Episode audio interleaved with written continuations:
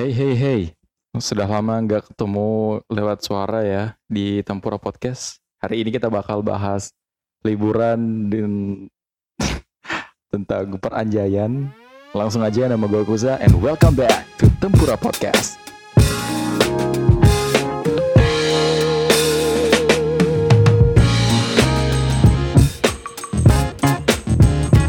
Hey yo, jadi udah lama banget ya nggak ketemu kita di Tempura Podcast.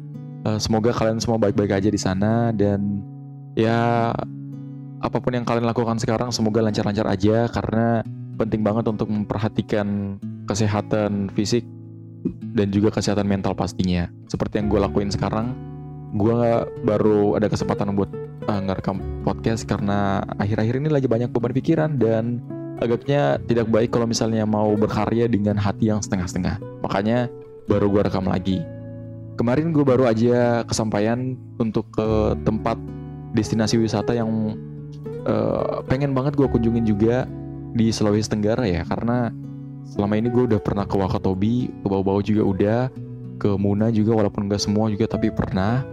Uh, Konawe Selatan, ya apa sih yang ada di situ ya pasti udah pernah semua. Dan salah satu yang paling pengen gue peng uh, pergi itu di sini di Labengki ini karena katanya di sana tuh keren banget dan emang terbukti dan di sana ada uh, banyak banget fasilitas-fasilitas dan juga spot foto yang kayaknya kalau dilihat dari kamera tuh nggak kerasa sebegitu wownya gitu loh. Kalian harus menyaksikan keindahan alam itu secara langsung gitu dan dan bener aja gitu kalau misalnya pas udah sampai sana tuh gue mes banget sama semua yang ada di sana dari fasilitas cottage-nya dari pemandangan-pemandangannya tuh gue kayak nggak pernah lihat yang sekeren itu sih. Mungkin di uh, Wakatobi tuh pernah tapi kalau misalnya mau dibandingin ya kayaknya nggak uh, tahu kalau misalnya gue emang belum ekspor sampai ke mana-mana tapi uh, sejauh ini yang paling keren sih udah Labengki ini. Sekali lagi gue nggak disponsorin sama Labengki resortnya buat ngepromosiin ini tapi karena gue rasa ini adalah destinasi wisata yang kayaknya semua orang tuh harus pergi apalagi kalian yang tinggal di Sulawesi Tenggara kalau misalnya nggak ngerasain uh, gimana nikmatnya uh, keindahan alam yang ada di sini nggak usah bermimpi mau ke Bali atau ke mana kalau misalnya yang di sini aja belum gitu loh. Dan gue ketrigger banget kalau misalnya uh, wisata sekeren ini tuh nggak ditahu sama orang banyak. Iya makanya uh, dikit-dikit pengen ngebagi lah kalau misalnya di Sulawesi Tenggara juga ada destinasi wisata yang gak kalah kerennya sama yang di luar gitu. Jadi kemarin gue pergi bareng om gue dan beberapa tim yang lain. Jadi di sana tuh gue pergi bukan liburan tapi ngebantu proyekan om gue.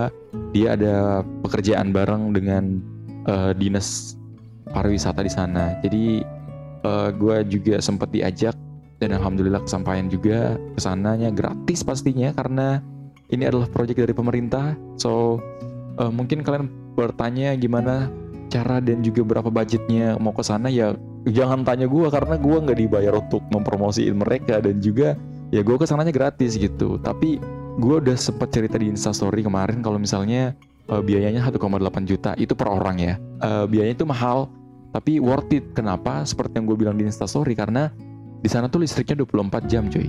24 jam. Jadi mereka tuh pakai panel surya yang uh, mereka simpen di bagian ujung cottage-nya sana. Terus katanya kalau misalnya uh, daya dari si panel suryanya ini udah habis, nanti mereka pakai genset. Jadi kalian gak bakal ada uh, kesempatan buat uh, apa ya kayak pemikir kepanasan atau misalnya HP lobet atau misalnya apa gitu nggak bakalan karena di sana listrik 24 jam dan juga jaringan 4G dari Telkomsel itu udah uh, kenceng banget. Jadi gue di sana nggak kerasa kayak lagi di pulau. Padahal itu sebenarnya perjalanan dari uh, Konawe utaranya sendiri ya. Gue nggak berangkat dari Kendari, tapi gue ke dari Kendari ke Konut dulu. Nanti dari Konut dari Konut pelabuhannya menuju ke Labengki. Ya itu perjalanan jauh juga satu jam lebih loh. Satu jam lebih tapi uh, jaringan masih ada, jaringan masih bagus juga. Gak ada kesan kayak jaringannya bakal hilang-hilang gitu. Dan ini keren banget jadi bisa ngupload instastory kapan pun dan juga gak ada kendala gitu. Kalau misalnya kalian ada pekerjaan yang mendesak dan pengen dikerjain dari sana bisa. Nah ini ada informasi terbaru yang pengen gue share buat teman-teman semuanya yang mungkin uh, ada apa? Ada kepikiran mau ke sana ya. Jadi katanya uh, mana sih? Jadi katanya kalau mau ke sana tuh dia yang udah gue bilang tadi itu tuh minimal 1,8 juta tapi katanya bisa murah lagi kalau misalnya kalian nggak nginep sama nggak pakai kapal dari mereka jadi ada paket yang 850 ribu per pax itu tapi ada syarat dan ketentuannya jadi minimal 10 pax dan maksimal 18 orang jadi uh, tanpa makan dan tanpa penginapan. Jadi kalian cuma datang aja di sana nikmatin apa foto-foto segala macem dan udah balik. Kalau misalnya mau nggak mau nginep, tapi kalau misalnya mau nginep ada biaya tambahan lagi. Kalau misalnya mau makan di sana satu kali makan itu 100 ribu untuk satu orang. Jadi kalau misalnya mau empat kali makan yang 400 ribu. Jadi ada paketnya yang dikasih sama uh, admin Labengki Nirwana Resort itu satu juta dua ratus lima puluh ya which is yang lebih murah ya kalau misalnya gue sebutin yang 1,8 itu itu udah termasuk penjemputan dari Pelabuhan Nusantara terus dia udah uh, makan kalau nggak salah makan terus ada dikasih villanya juga udah bisa tidur di sana juga. Tergantung sih karena katanya eh, villanya tuh ada beberapa apa ya kayak kelas gitu loh. Kayak ada yang biasa ada yang VIP ada yang VIP yang biasa kamar mandinya di luar yang VIP kayaknya yang uh, kemarin gue sempat story itu yang udah ada AC sama kamar mandi dalam terus yang VIP yang paling bagus view-nya itu yang agak tinggi dan agak luas. Nanti kalian bisa pilih dan kalau misalnya kalian mau ya ini kalian bisa langsung uh, eh, DM di uh, Instagramnya atau langsung hubungi nomor WA-nya gitu. Nggak usah. Kayaknya gue jadi bakal kelihatan kayak promotor si Labengki Nirwana Resort ini padahal bukan. Jadi gue cuma ya sekali lagi gue pengen bilang kalau misalnya salah satu destinasi wisata yang wajib banget kalian datengin kalau misalnya kalian di Sulawesi Tenggara atau mungkin ada orang-orang dari luar pulau Sulawesi yang pengen banget uh, Sulawesi Tenggara tapi bingung mau ke mana ya udah ke Lawengki aja. Itu keren banget. Oke langsung kita ke pembahasan selanjutnya. Ini ada yang rame-rame kemarin ya. Seharusnya sih sebenarnya gue udah bahas ini dari beberapa hari yang lalu. Dan gue kira bakalan cepet turun karena gue kemarin pas mau rekam gak dan gak sempet gue rasa ke udah kehilangan momen. Tapi ternyata ini makin menjadi jadi jadi ada seorang yang nggak tahu siapa. Uh, ini kayaknya bakal singkat aja sih. Gue nggak mau terlalu bahas banyak-banyak juga karena nggak penting juga. Jadi uh, ada satu orang yang memperkarakan masalah kata anjay di uh, pengadilan atau di mana gitu. Sampai-sampai Komnas Perlindungan Anak tuh ngeluarin surat uh, apa gitu buat pelarangan kata anjay. Sampai dia direspon sama banyak banget orang dan rame rame banget. Sampai ya pokoknya sampai influencer Chandra Leo Ernest Prakasa juga yang kalau misalnya kalian lihat katanya dia uh, naruh impression dari kata anjay ini untuk highlight instastory dia yang judulnya promote endorse. Jadi dia ngupload uh, perkembangan postingan dia dari hari ke hari itu makin meningkat karena postingan Anjay yang dia tulis di instastorynya untuk promosi dan endorse. Jadi uh, apa ya kayak nggak make sense gitu loh. Kalau misalnya dia bilang uh, ini tuh untuk kebaikan masyarakat ini tuh untuk kepentingan generasi berikutnya. Anjay.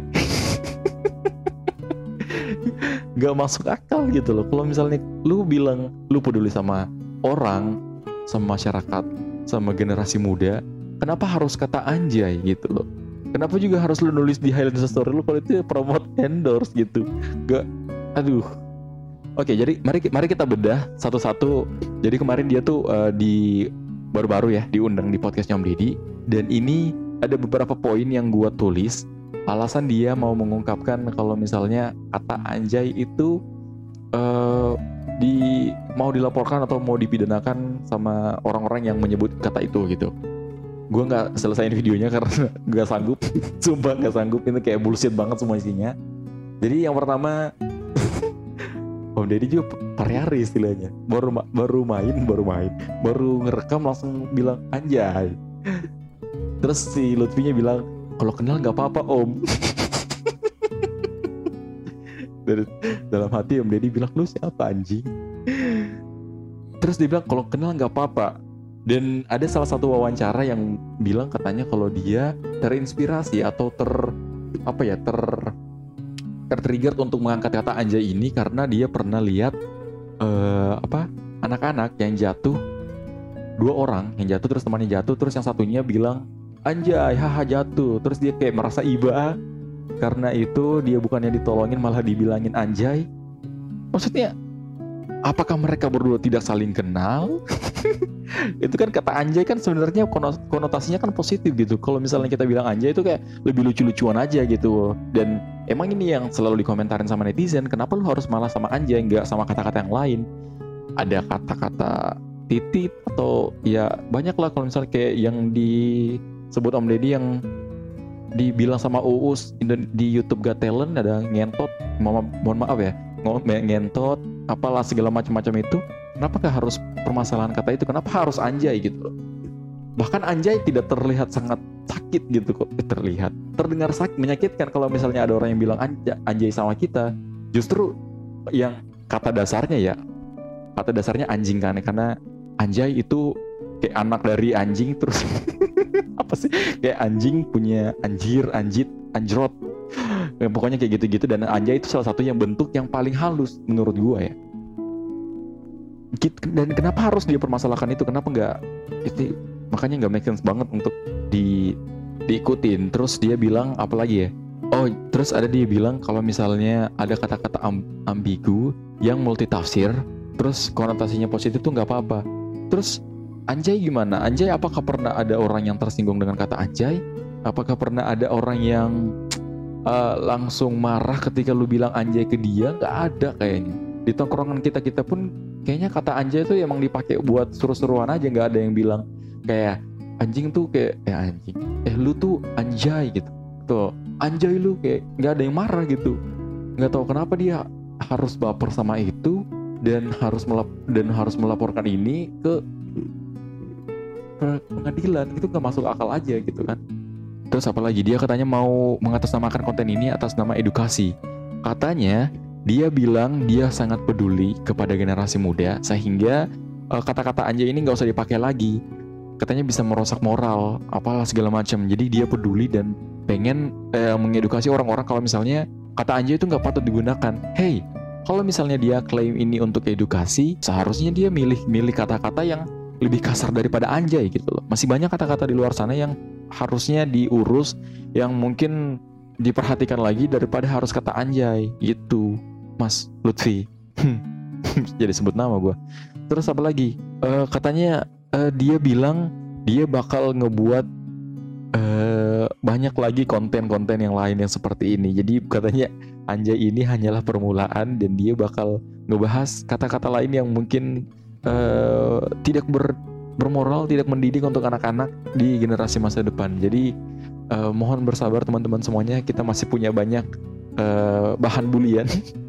kita masih punya banyak uh, ya sumpah tapi gara-gara anjay ini jadi semua orang tuh kayak makin makin menggembur-gemburkan kata anjay ini loh kayak hampir di setiap komen di grup-grup WhatsApp juga kayak dikit-dikit anjay, dikit-dikit anjay bahkan sampai sampai ada tuh orang tuh yang di Instagram mbak eh, DM si Lutfinya.